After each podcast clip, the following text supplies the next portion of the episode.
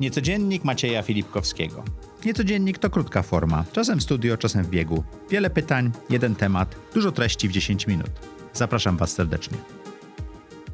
Cześć, witajcie w Niecodzienniku. Adam Jasienkiewicz, astrografy.com. Adam opowie nam dzisiaj o tym, jak zbootstrapować własny biznes. Jak to zrobić, żeby nie wydać złotówki e, od inwestorów i zrobić biznes, który w ciągu pierwszego roku jest w stanie na siebie zarabiać? Jak to zrobiłeś? Wydawać mniej niż y, zarabiać, więc... Y, Dziękujemy, pierwsze... kończymy. tak, ale co, to, jest, to brzmi zabawnie, ale to dotyczy w zasadzie wszystkiego, co związane z pieniędzmi, bo także chociażby z prywatnym mhm. budżetem. Więc po pierwsze musi być pomysł, który jest możliwy do tego, żeby generować przychody od tak zwanego day one. I w odcinku mówiłeś też, że to nie jest pomysł, który jest bardzo innowacyjny, tylko pomysł, który ma konkretny nie, no, rynek, no, prawda? To, to jest stara prawda i już chyba mhm. wyświechtana, że żebyś robił to, co inni, tylko 1% lepiej. Czyli dobry pomysł? Pomysł. Trochę pieniędzy jest Dobry potrzebne. w takim rozumieniu, który może zarabiać. Mhm. Brak nadmiaru gotówki, czyli najlepiej motywacja Czyli trochę pieniędzy jest ważne, to trochę żeby jest ważne. nawet jeżeli masz te pieniądze na koncie swoim mhm. prywatnym, to żeby bar bardzo mocno odseparować te budżety i, i, jednak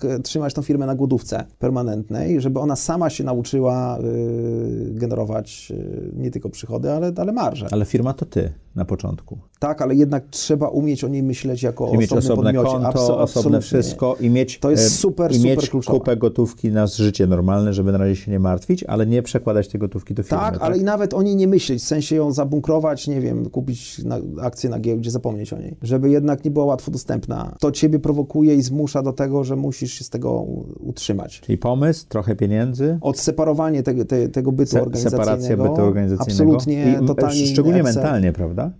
czyli digitalizacja też procesu. Jeżeli to wrzucisz sobie do Excela i będziesz przez Excela zarządzał, mhm. to da ci ten, ten, ten dystans do, do tego. Mhm. To muszą być całkowicie dwa byty. Znaczy łączenie tego z prywatnym życiem i prywatnym budżetem, e, no to jest moim zdaniem droga do klęski. Czyli masz tam... Excela, w którym jest budżet rozpisany i wiesz, kiedy firmę Czyli inaczej mówiąc, skorporatyzować ją w e, takim na, nawet nie, nie, nie, niewielkim yy, Niewielkim, ale zasady są te same. Mhm. No wiesz, to jest ekonomia i matematyka, czy, czy, czy postrzeganie sprzedaży jako takiej jest w zasadzie takie same wszędzie. Jak ciężko. Pracowałeś na początku firmy? Przez to, że to była zajawka, to więc nie, poczu... nie, nie postrzegam tak jako Nie było to pracą. pracą, tak? Nie było to pracą, ale z drugiej strony oczywiście to było kilkanaście godzin, więc... Dziennie?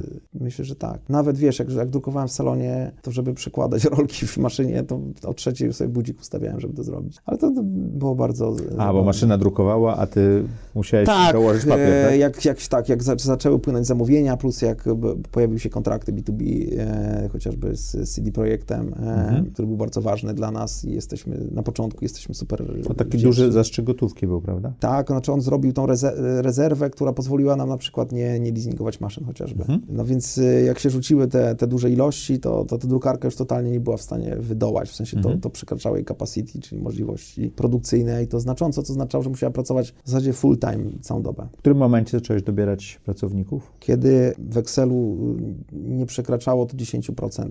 Obrotu. Obrotu. A w jaki sposób Czyli szukałeś w, pracowników? W zasadzie to się wydarzyło samo trochę. To znaczy, że ludzie przyszli do ciebie?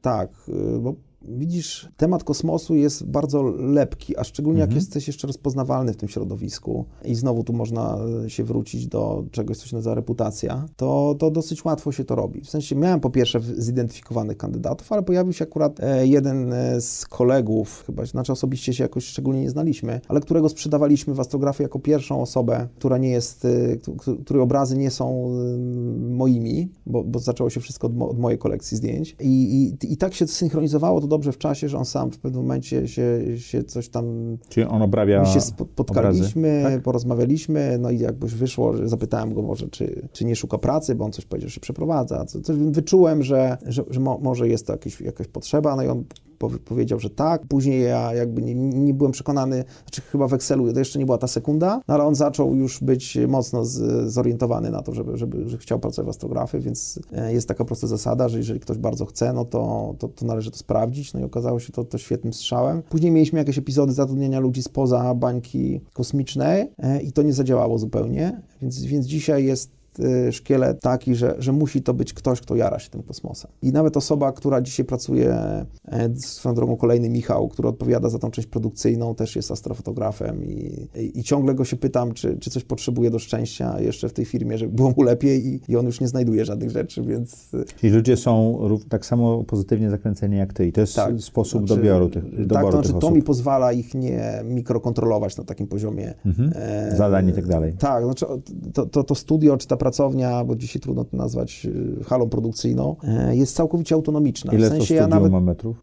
60? E, Czyli takie, takie małe mieszkanko, tak? To jest, znaczy to jest lokal usługowy typowy mhm. na, na parterze, bo, bo przez to, że, że, w paletach wysyłamy często, więc musi tam być możliwość podjechania mhm. widlakiem, czy jak to się tam nazywa. To działa autonomicznie całkowicie. Jak mi zaczniesz pytać, co dzisiaj się dzieje, jakie są robione, nie, wiesz. no nie mam pojęcia i się super z tego cieszę. Ale dlatego, że sami dbają osoby. tak, znaczy sami dbają o to swoje otoczenie, mają gigantyczną autonomię. Ja tam raczej jestem od tego tylko, żeby właśnie pytać, czy czegoś potrzebują i co Jak może dbasz o finanse? W sensie? No, żeby w firmie było właśnie... No, najpierw trzeba je zaplanować, więc to jest pierwszy krok, który Czyli robię. planujesz je w Excelu? Bardzo mocno. Znaczy ta firma jest hiperpoliczona, w sensie każdy, każdy, każdy dedal i te modele ewoluują e, cały czas przez to, że się zmienia skala, więc oczywiście wtedy i, i pewne, pe, pewna relacja kosztów się, się zmienia i też umożliwia to robienie nowych rzeczy, jak chociażby customowy packaging, czyli własne opakowania, bo jak, jak sprzedajesz ich 50 wydruków miesięcznie, no to wiadomo, że nie, nie będziesz robił opakowań własnych. No ale jak sprzedajesz już w tysiącach, no to wtedy to jest możliwe. Mam wszystko policzone, mam metryki, są dosyć mocno wyselekcjonowane i one się sprowadzają dzisiaj chyba do dwóch tylko, czyli y, przychodowy i, i, i marżowy i w zasadzie to jest coś, co, co pilnuję. Jeżeli to będzie się trzymało kupy, to, to reszta nie ma problemu. Jest, tak. Reszta jest, czyli znaczy tam już nie muszę być taki detaliczny w tym.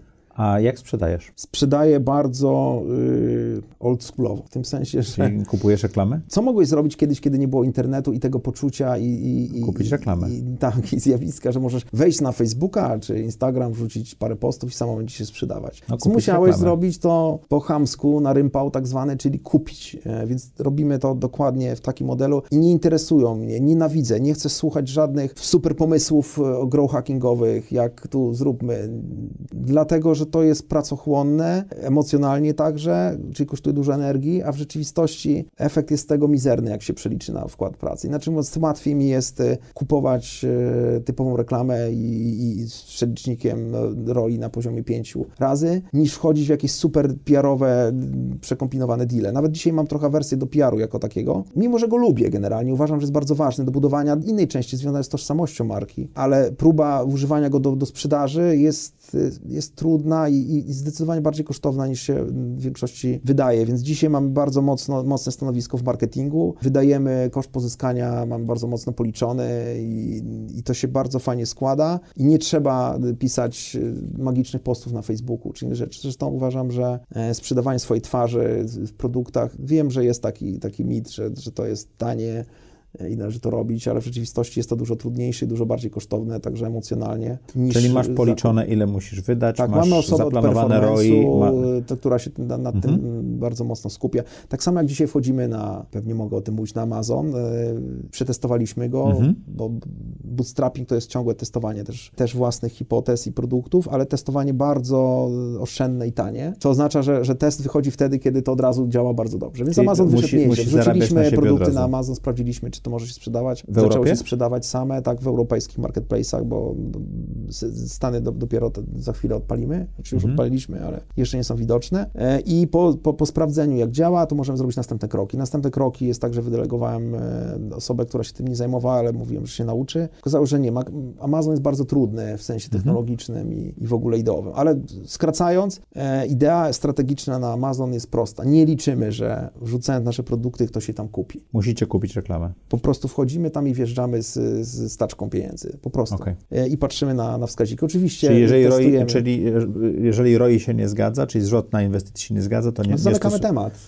I to jest to testowanie, tak? Czyli, a jaką sumę pieniędzy przeznaczasz na takie testy? Co myślę, że testy to jest, wystarczy 1000 euro na produkt y, miesięcznie, żeby go testować. I jeżeli zażre, to dobrze, jeżeli nie, to, to Tak, to a jeżeli, jeżeli żażre, no to, no to To sky is the limit. Tak? ale nie na zasadzie all-in, tylko znowu ta, ten segment musi sam sobie stworzyć budżet. Polega Mhm. to na tym, znowu na kompoundowaniu prostej metodzie, czyli zwiększamy o 20, 30, 50% miesięcznie budżet, bo jeżeli marża na to pozwala. Więc, więc skalując to robisz z 5 tysięcy w parę Czyli z miesięcy, marży zarobionej 100 w pewnym sensie dokładasz, tak? Okej. Więc y, to, to, że dzisiaj mamy miesięcznie te sześciocyfrowe budżety, to nie wynika z tego, że ktoś wyjął te pieniądze i zainwestował. Mhm. Po prostu krok po kroku je zbudowaliśmy, po, zwiększając co, co miesiąc o kilkadziesiąt procent y, budżet i sprzedaż przy takim samym ROI. Więc to jest prosta, prosta matematyka. Bardzo Ci dziękuję. Dziękuję Wam. Teraz już wiecie, jak zacząć swój własny biznes, nie posiadając złotówki.